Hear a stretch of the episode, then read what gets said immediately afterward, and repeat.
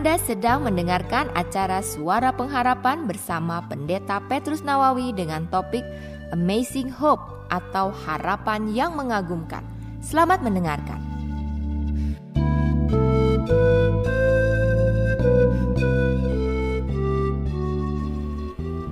Janganlah kamu menjadi serupa dengan dunia ini, tetapi berubahlah oleh pembaharuan budimu Jangan menjadi serupa dengan lingkungan kita.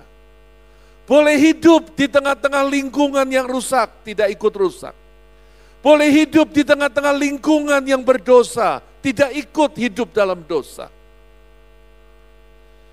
Dikatakan sehingga kamu dapat membedakan manakah kehendak Allah, apa yang baik, yang berkenan kepada Allah, dan yang sempurna. Paulus mengatakan jangan menjadi serupa dengan dunia ini. Do not be conformed to this world. Tapi mengalami pembaharuan di dalam budimu. Mengalami pembaharuan dengan apa? Dalam bahasa Inggrisnya dikatakan by renewing of your mind. Dengan mengalami pembaharuan di dalam pemikiran kita, di dalam pola pikir kita, di dalam pikiran kita. Kalau kita mengalami pembaharuan di dalam pikiran, hidup kita akan baru. Di tengah-tengah kehidupan yang penuh dengan pencobaan pun, kita bisa tidak hidup sama seperti lingkungan di mana kita berada. Saudara, karena apa? Karena perubahan itu selalu terjadi diawali dengan apa yang ada di dalam.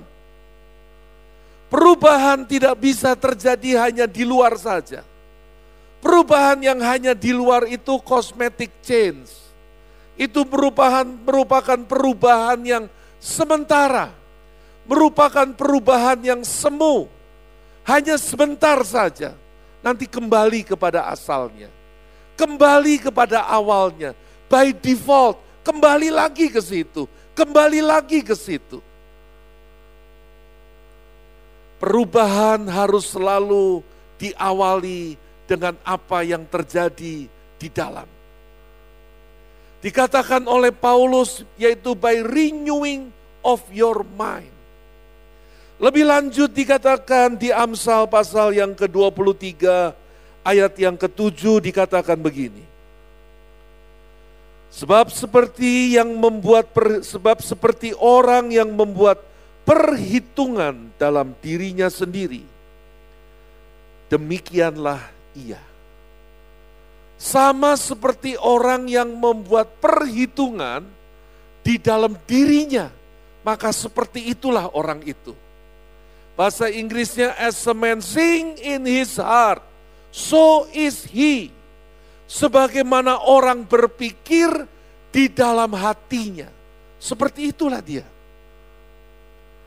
Itu sebabnya Ralph Waldo Emerson dia mengatakan hati-hati dengan pikiranmu. Karena engkau akan menjadi seperti itu.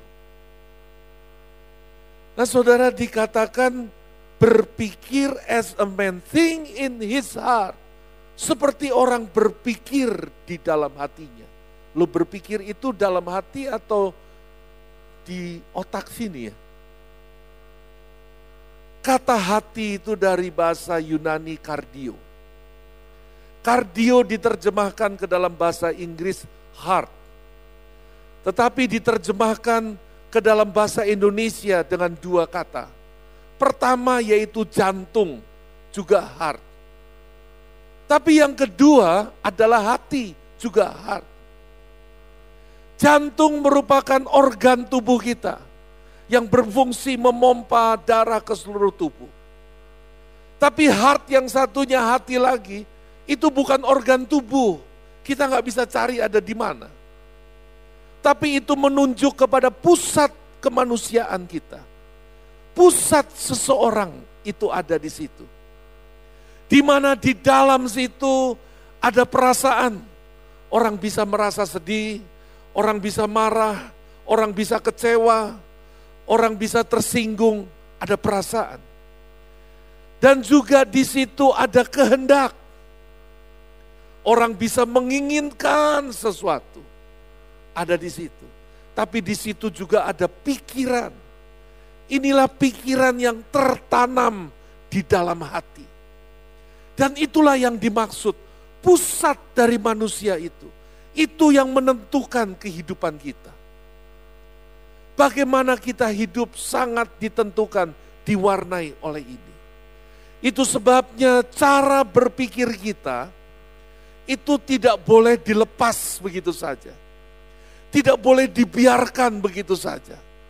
Kita harus mengendalikannya. Kenapa demikian? Karena yang pertama pikiran kita itu mengendalikan hidup kita. Bahkan pikiran kita itu mengarahkan masa depan kita. Sehingga kalau pikiran itu tidak dikendalikan, pikiran itu tidak diarahkan, maka itu akan membawa kita kepada kehancuran. Alkitab mengatakan jagalah hatimu dengan segala kewaspadaan. Amsal 4 ayat 23. Dikatakan sebab dari situ terpancar kehidupan. Jaga hatimu dengan segala kewaspadaan. Guard your heart with all diligence. Dikatakan karena dari situ terpancar kehidupan. Hidup kita itu diwarnai oleh hati kita. Hidup kita itu diarahkan oleh hati kita. Itu sebabnya bagaimana kita berpikir itu perlu dikendalikan. Tidak boleh dibiarkan begitu saja. Dan itu menentukan orang hidupnya kaya atau miskin, sukses atau berhasil, susah atau tidak. Tergantung apa yang ada di dalam ini. Kalau yang di dalamnya itu seperti kehidupan yang memancar itu adalah air yang keruh, maka keruhlah hidup itu. Itu sebabnya cara kita berpikir itu harus dikendalikan. Karena itu mengarahkan hidup kita, mengendalikan kehidupan kita. Yang kedua, kenapa itu harus diatur, dikendalikan? Karena itu merupakan medan peperangan, battleground. Saudara, sebelum orang itu berbuat dosa, orang jatuh dalam dosa itu bukan seperti orang kepleset kulit pisang. Jatuh puk, oh kepleset kulit pisang. Enggak seperti itu. Tetapi sebelum itu terjadi, sudah terjadi dosa lebih dahulu di sini. Orang mengalami pencobaan, dicobai hidupnya, itu bukan dengan hal-hal yang eksternal, bukan. Orang kira, oh di sana, di sini ini banyak pencobaan, sana sini banyak pencobaan. Saya mau pergi ke tempat yang lain, yang lebih aman, yang lebih steril, bebas dari pencobaan.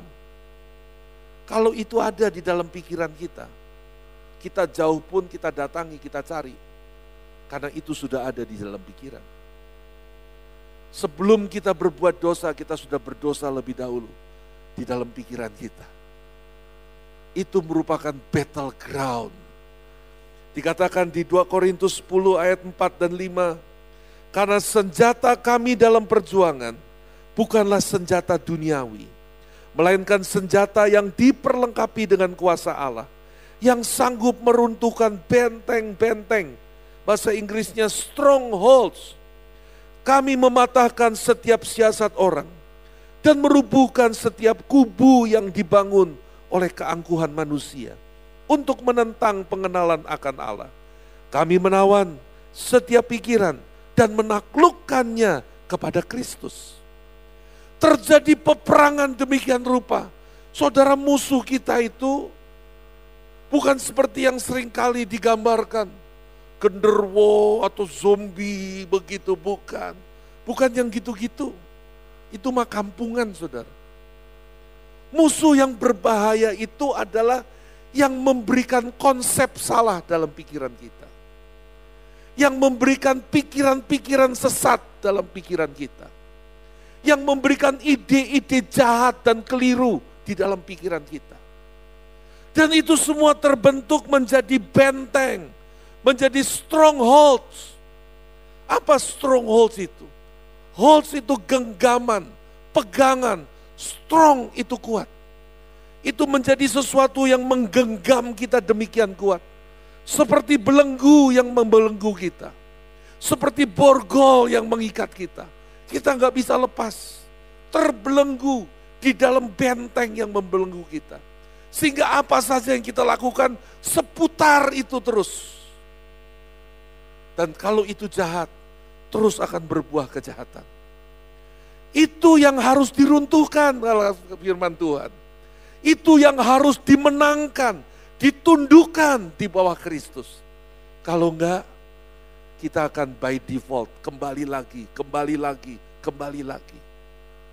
Sebab pikiran itu adalah battleground. Yang ketiga, pikiran itu merupakan kunci dan sumber dari damai dan kebahagiaan. Orang itu berkata damai dan bahagia. Dan sering kali menganggap damai itu hubungannya dengan tempat. Cari tempat yang damai, cari situasi yang damai. Saudara damai, bahagia, Damai itu bukan tentang situasi. Damai itu bukan tentang tempat. Damai itu tentang apa yang ada di dalam kita.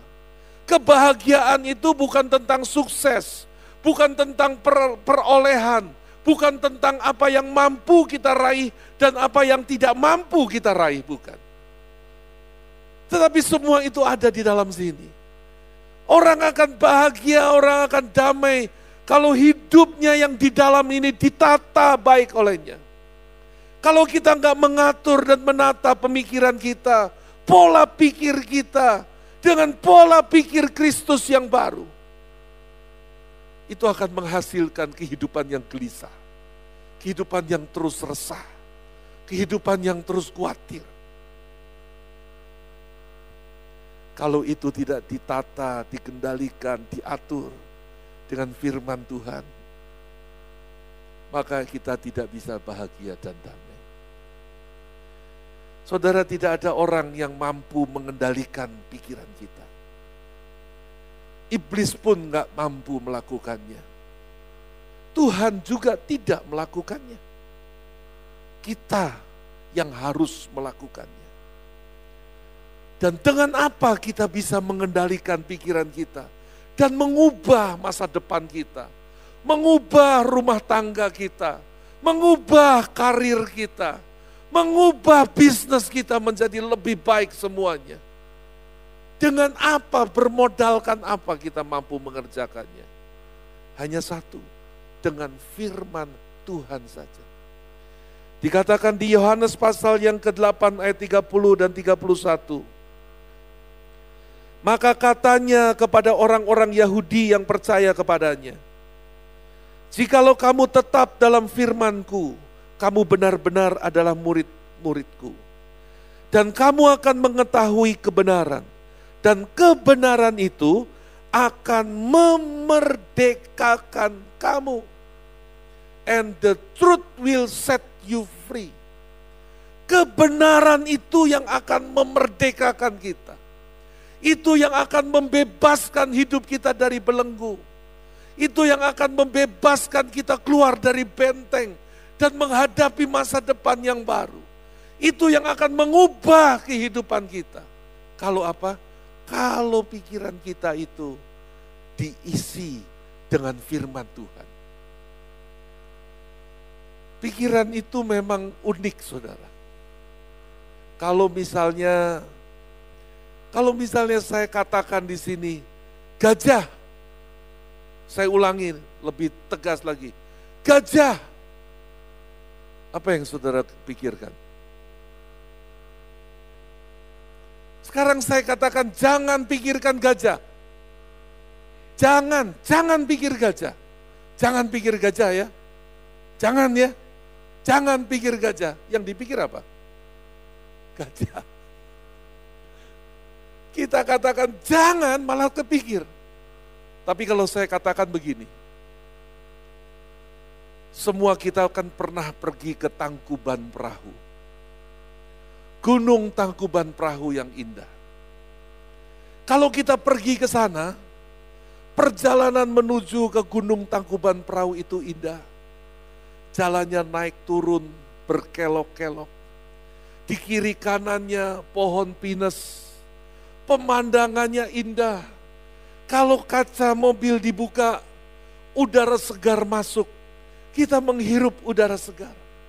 Semakin mendekati puncak gunung Tangkuban Perahu itu, suasana tambah indah. Pohon-pohonan di kiri kanan, bunga-bunga yang ada semuanya indah. Dan ketika sampai di puncak kita bisa turun dari mobil, kita melihat kawah yang besar. Dan pada waktu kita turun kita merasakan terpaan dari angin yang segar. Waktu saya katakan seperti itu, Apakah saudara pikirkan gajah? Enggak. Yang saudara pikirkan apa? Tangkuban perahu, saudara. Demikianlah cara berpikir kita berubah. Kalau kita melawan, jangan takut, jangan takut, jangan takut, tambah takut. Jangan khawatir, jangan khawatir, jangan khawatir, tambah khawatir. Lalu yang harus dilakukan apa? firman Tuhan. Kalau firman Tuhan itu masuk, maka dia akan menghentikan semuanya. Yang tadinya by default otomatis kembali lagi ke situ, otomatis kembali lagi, otomatis kembali lagi, sekarang dihentikan. Sekarang diubah menjadi firman Tuhan. Memberikan pengharapan, memberikan kehidupan. Saudara kita memerlukan firman Tuhan setiap hari di dalam hidup kita. Supaya setiap hari di dalam hidup kita, kita memiliki pegangan. Pegangan yang menggenggam hidup kita. Bukan dengan genggaman yang menekan. Bukan dengan genggaman yang menyiksa. Bukan dengan genggaman yang menyengsarakan. Tetapi dengan genggaman yang memberkati dengan genggaman yang memberikan damai sejahtera, dengan genggaman yang memberikan kesembuhan, dengan genggaman yang memberkati hidup kita. Kalau itu dirubah, hidup kita akan mengalami perubahan. Saudara, bagaimana supaya firman Tuhan itu mengubah kehidupan kita dengan mengubah cara berpikir kita? Ada lima langkah untuk kita memasukkan firman Tuhan setiap hari di dalam pikiran kita. Dan itu mengubah seluruh kehidupan kita. Dan itu bisa kita gunakan lima jari ini untuk mengingatkan kita. Supaya mudah yang pertama, kelingking itu adalah membaca. Membaca apa? Membaca firman Tuhan. Kelingking ini bagian yang paling kecil. Dan satu-satunya yang bisa masuk telinga, dikorek-korek telinganya. Kelingking. Membaca firman Tuhan. Hanya dengan cara itu saja, firman itu bisa masuk ke dalam hidup kita kalau baca saja nggak pernah, bagaimana itu bisa masuk dan mengubah hidup kita? Nggak bisa. Jadi pertama, membaca firman Tuhan, kelingking. Yang kedua, itu adalah jari manis. Jari manis itu tempat orang membuat komitmen karena cinta. Tempat cincin pernikahan ada di situ tempat adanya komitmen karena cinta. Yang kedua ini adalah mempelajari firman Tuhan. Membaca tapi juga mempelajari. Firman Tuhan itu tidak cukup hanya dibaca sekali-kali. Kalau ingat dibaca enggak, perlu komitmen. Dan orang yang komitmen membaca firman Tuhan, orang yang cinta kepada firman itu dan Membaca saja nggak cukup. Diperlukan mempelajari. Jadi bukan hanya baca tapi nggak ngerti apa-apa. Baca hanya kejar target, pokoknya selesai sudah baca. Bukan. Kalau nggak ngerti baca lagi. Nggak ngerti baca lagi sampai mengerti. Yang ketiga, itu jari yang paling panjang. Jari tengah ini jari yang paling panjang di antara semua jari. Yang ketiga ini adalah merenungkan. Membaca itu baik. Mempelajari itu perlu. Tetapi hanya membaca dan mengerti tidak cukup. Diperlukan merenungkan Merenungkan perlu waktu yang lebih panjang. Karena merenungkan tidak bisa hanya sebentar. Kata firman Tuhan, renungkanlah firman Tuhan itu pagi, siang, dan malam. Artinya sepanjang hari itu direnungkan. Ya, pertama membaca kelingking, jari manis, mempelajari, kemudian yang ketiga jari tengah adalah apa? merenungkan, dan yang keempat telunjuk. Telunjuk ini, saudara kalau tidak ada telunjuk, tiga tangan ini bisa bekerja. Tapi kalau ada telunjuk, dia lebih kuat. Yang keempat ini telunjuk adalah menghafalkan. Membaca itu baik. Mempelajari itu penting. Merenungkan itu harus. Tapi kalau tidak kita hafalkan, sebentar lupa. Perlu dihafalkan. Sambil direnungkan, sambil dihafalkan. Sambil direnungkan, sambil dihafalkan. Sehingga satu saat kalau kita berada dalam situasi yang menekan, kita berada dalam keadaan yang penuh dengan tantangan dan kita tidak tahu apa yang harus dilakukan. Tiba-tiba firman Tuhan yang pernah kita hafalkan muncul, celing kita ingat, oh rupanya ini yang harus aku lakukan. Hafalkan itu saudara, hafalkan itu. Bukan hanya menghafal itu membuat semuanya jadi firm, semuanya jadi kuat. Tapi menghafal itu juga memberkati kita. Memberkati karena apa? Kalau saudara nggak mau cepat pikun, hafalkan firman Tuhan tiap hari. Nggak pikun-pikun saudara karena isinya firman Tuhan terus. Yang kelima, ibu jari. Ibu jari atau jempol ini. Ini yang paling kuat. Kalau empat saja, mereka bisa bersama-sama, tapi satu demi satu gak bisa lakukan apa-apa. Tapi begitu ada jempol, semuanya berfungsi dengan baik. Ibu jari ini yang terakhir adalah melakukan firman Tuhan firman Tuhan tidak cukup hanya dibaca, tidak cukup hanya dipelajari, tidak cukup hanya direnungkan, tidak cukup bahkan hanya dihafalkan. Firman Tuhan itu kalau mau hidup harus dilakukan. Ketika firman itu dilakukan, itu akan mengubah pemikiran kita, mengubah kebiasaan kita, dan akhirnya mengubah masa depan kita. Saudara, Tuhan memberikan anugerahnya kepada setiap kita dengan melimpah, dengan luar biasa, tiada batasnya. Dan Tuhan ingin kita hidup dalam semua kebaikannya. Tapi untuk kita bisa hidup di dalam semua kebaikan Tuhan, kita harus punya konsep berpikir yang selaras dengan Tuhan. Bukan konsep berpikir yang bertentangan dengan Tuhan Bukan konsep berpikir yang memberontak kepada Tuhan, bukan. Dan ketika pemikiran kita diubah, dibaharui oleh firman Tuhan, maka kita akan mendapatkan masa depan yang baru. Kita akan mendapatkan rumah tangga yang lebih baik. Kita akan menemukan karir yang lebih berhasil, bisnis yang lebih sukses, karena Tuhan mengarahkan semuanya untuk kebaikan kita umatnya diberikannya firmannya kepada kita. Kita bersyukur kita punya kebenaran sumbernya yang diberikan kepada kita.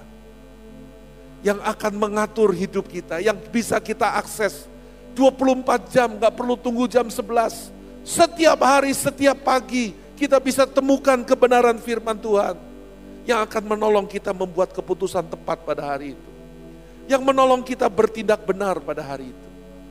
Karena itu mari kita datang pada Tuhan. Bawa hidup kita. Dan buat komitmen yang baru. Untuk menjadikan firmannya bagian yang melekat di dalam hidup kita.